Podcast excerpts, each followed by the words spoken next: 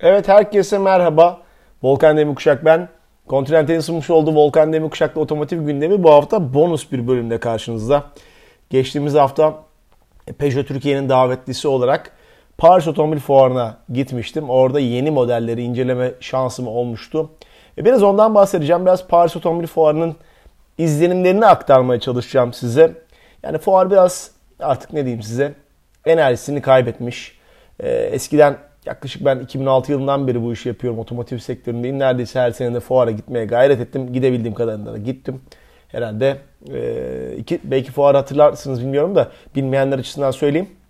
Paris Otomobil Fuarı ile Frankfurt Otomobil Fuarı dönüşümlü olarak birer sene arayla yapılırdı. Dolayısıyla Fransızlar Paris'e, Almanlar da Frankfurt'a yüklenirdi ama iki ülkenin veya diğer ülkelerinde pek çok modeli bütün fuarlarda olurdu. Şimdiki Paris Otomobil Fuarı pek böyle olmadı. Fransız markaların şov yaptığı ama onun dışında 12 hole gittiğimizde şimdi onun karşında 2 hole gittiğimiz bir fuardan bahsediyorum. Yani o nebze küçülmüş bir fuardan bahsediyorum ama neticede otomobil otomobildir. Biz orada elektrikli 208'i gördük Peugeot standında ve özellikle ben 408'i Fastback 408'i gördüm. Yakın dönemde 2023'te iki modelinde Türkiye'de olacağını müjdeleyeyim size. Ee, Peugeot tarafı hakikaten burada çok kuvvetli geliyor. Çok kıymetli bir yönetim ekibi var. Peugeot Türkiye Genel Müdürü Gülün Reyhanoğlu ile de konuşma şansına sahip oldum. 408'e ve elektrikli 208'e çok güvendiklerini söyledi. Zaten mevcut model gamı hakikaten Peugeot'u çok önemli bir noktaya taşıdı ki ben bu hafta e, müsaadenizle biraz size e, Peugeot 308'den de bahsedeceğim. Özellikle kompakt e, hatchback sınıfının önemli modellerinden bir tanesi bu biliyorsunuz 308. E, 308'in neredeyse pek çok e, kez kullanma şansına sahip oldum. E, otomobili ilk lansmanında gittiğimden beri hep beğenen, beğenen taraftayım. E, şunu söylemekte fayda var. Çok sert bir sınıf. Yani çok zor bir sınıf. Kompakt hatchback sınıfı rekabetin çok üst düzey olduğu, model e, sayısının çok fazla olduğu, premiumların olduğu, premiumlara göz kırpanların olduğu, onun altındakilerin yukarılara oynadığı, herkesin birbiriyle mücadele ettiği bir sınıftan bahsediyorum. Peugeot 308'de artık burada e, yeni yüzü, yeni tasarımı, yeni donanımlarıyla birlikte e, Türkiye'de hemen şöyle ufaktan size biraz giriş yapayım. E, EAT8 otomatik şanzımanı var otomobilin ki bu çok beğendiğim bir şanzıman. E, biliyorsunuz ki Engine of the Year ödüllü ki benim de dünya jürisi olduğum Türkiye'den e, ödül verdiğim hatta bu arada bunu gururla rahatlıkla söyleyebilirim. Ödüllü bir motora sahip. 1.2 ee, litrelik PureTech motor 130 beygir güç üretirken çok keyifli. 3 silindirli bir sesi de var böyle bilirsiniz. 3 silindirlerin böyle tatlı kulak böyle e, tınılarını okşayan güzel bir sesi var. Eylül ayı ile itibaren otomobil satışa sunulmuştu. Türkiye'de artık sokaklarda bolca da görmeye başladım. 3008, 2008, 5008'in ardından da 200, e, 208'in de kuvvetli olduğunu ve 308'in de buradaki eksiği tamamıyla tamamladığını söyledim. E, 208 Peugeot markasının 2023 hedeflerinin de çıtasını yükseltti. Yani 208'i artık o kadar çok 308'e düzeltiyorum. O kadar çok güveniyor ki marka bu arada 208'e de güveniyorlar onu da söyleyecektim. Yanlış olmasın. Ee, gerçekten satış rakamlarının artacağını ve Peugeot Türkiye'nin şu ana kadar görmediği rakamlara ulaşmasının zor olmadığını söyledi Peugeot Türkiye yöneticileri. Güzel bir nokta var. Peugeot Türkiye yöneticileri hakikaten hepsi kadın ve kadınların da otomotiv sektöründe çok kıymetli işler yaptığını, çok başarılı olduğunu bir kere daha ispat ediyorlar. Hepsini de ayakta alkışlıyorum. Yani otomotiv sektörü deyince insanlar böyle erkek sektörü gibi akıllarda kalıyor ama o kadar başarılı kadınlar var ki zaten bu arada cinsiyetçilik çok anlamsız. Bunu tartışmıyorum ama e, hoşumuza giden e, güzel noktalardan bir tanesi de bir kere daha kendilerini burada huzurunuzda tebrik edip alkışlamak isterim Gülün Reyhanoğlu ve ekibini. Şimdi birazcık daha e, önümdeki notlardan birazcık size biraz bilgi aktarmaya çalışayım. Tabi tasarım yönleri 308'in kuzeni Opel Astra ile çok farklılıkları olduğunu söyleyeyim bir kere. Yani evet ikisi de aynı platformda ama ikisi tamamen farklı. Bir tanesi Alman mühendisiyle bir tanesi Fransız tasarımıyla e, üretilmiş farklı otomobiller. Benzerlikleri var. Evet platformları ortak. EMP2 verimli bir modüler platform kullanıyor iki otomobilde. Bir önceki jenerasyona göre 11 santim toplam uzunluk artmış. 5,5 santimde uzayan bir aks mesafesi var. Bu sayede arka koltukta oturanlar ki ben bunu e, Göcek'teki lansmanda rahatlıkla deneyebildim. Çok daha konforlu bir e, otomobilde oluyor. 1.6 santim azalan bir yükseklik var otomobilde.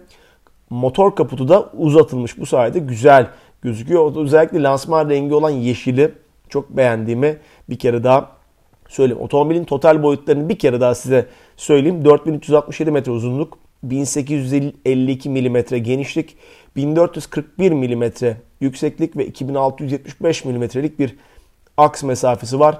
412 litrelik bir bagaj hacmi var ama arka koltuklar da katlanabiliyor biliyorsunuz. Bu sayede bagaj hacmi 1323 litreye kadar da genişleyebiliyor. Biliyorsunuz otomobillerin verimliliğini arttırmak, e, motor güçlerine katkı sağlamak ve tüketimi düşürmek açısından rüzgara karşı sürtünme katsayılarının düşük olması çok önemlidir. Bu ne anlama geliyor? Mesela bir G serisi böyle tren gibi giderken 0.52 0.50'lerde giderken işte e, Peugeot 308 0.28 ile e, yola devam ediyor. Yani rüzgar bir şekilde ona çarpmadan akarak devam ediyor. Bu sayede sürtünme katsayısı daha düşük. Tüketim ve verimlilik anlamında çok daha e, iyi bir otomobilden bahsedebilirim. Yani A ve A Plus sınıfı bir sürtünme verimliliği de e, var otomobilde. Lastikleri 16 ve 18 inç. Bu arada Continental sponsorluğunda olduğu için onu da söyleyeyim size. Bazı otomobillerde Continental lastiklerini de gördüm. Terzi iş otomobil lastikleri üretmede hakikaten önemli markalardan bir tanesi. Ee, dönüş yapı otomobilin geliştirilmiş 10,5 metre kaldırımlar etrafında rahatlıkla dönebiliyor. Bu sayede e, şehir içerisinde manevra kabiliyeti ve manevra becerisi de oldukça yüksek. Ön konsol yapısı havalan, yüksek havalandırma bir mimariyle dayanıyor. Bu sayede hem sürücü hem yolcu e, konforlu bir konumda e, oturuyor. 10 inçlik merkezi dokunmatik bir multimedya ekranı var. GT donanımı ben kullanmıştım. Ben GT'yi çok beğendim. Direksiyonun altındaki güzel böyle dikişler, GT yazısı, iCockpit. Biliyorsunuz ki artık e, Peugeot kullanıcıları çok alıştı buna. E, minimal bir direksiyon. Bu direksiyon sayesinde böyle bir arka tarafı daha rahat görebiliyorsunuz. Yolu daha kesin bir şekilde görebiliyorsunuz. Biraz dar olabilir ama otomobil markası da bunu kendine e, tercih etmiş. Şimdi otomobilin motor özelliklerine birazcık daha bilgi vereyim size. 130 beygir 1750 devirde 230 Nm tork üreten bir turbo benzinli motor. 0-100 km hızlanması 9.7 saniye. Yani sakin ruhlu bir otomobil. Ortalama yakıt tüketimi de 5.8-5.9 litre. Ee, yani 6.5-7 litreler civarında da ben e, test sürüş sırasında gitmiştim. Donanım seçeneklerinden bahsedeyim. Active Prime, Allure ve GT 3 farklı donanım seçeneği var. 6 farklı gövde rengi ve 3 farklı iç mekan seçeneği de e, bulunuyor. Fiyat söylemeyeceğim. Biliyorsunuz Türkiye'de fiyatlar sürekli değişiyor. E, Peugeot iConnect sisteminin de bu otomobilde teknolojiyle birlikte daha geliştiğini söylemekte fayda var. Uzun menzilli kör nokta uyarı sistemi 75 metre gösteriyor. Geri manevra trafik uyarı sistemi e, yüksek çözünürlüklü 180 derece geri görüş açılı geri görüş kamerası 4 kameralı e, park yardımcısı e-kol acil durum sistemi gibi. Ayrıca iToggles adında güzel bir kişiselleştirme dokunmatik kısa yol sistemi de yapmış Peugeot. E, bu sayede biliyorsunuz bazı istediğiniz noktaları e, ekranınızın hemen altındaki butonlara yerleştirebiliyorsunuz. Arzu ederseniz kendi fotoğrafınızı, arzu ederseniz sevdiğiniz birisini veya bir otomobili veya bir başka şeyi oradaki kısa yol butonlarına koyabiliyorsunuz. Dolayısıyla daha dijital, daha genç, daha yenilikçi bir 308 karşımızda tekrar etmekte fayda var. Bu arada 308'in hakikaten hem süspansiyon konforu hem yol tutuş kabiliyeti açısından da e, çok fazla bir eksiğinin olmadığını söylemekte beis görmüyorum. Çünkü zaten bunu programda da anlatmıştım.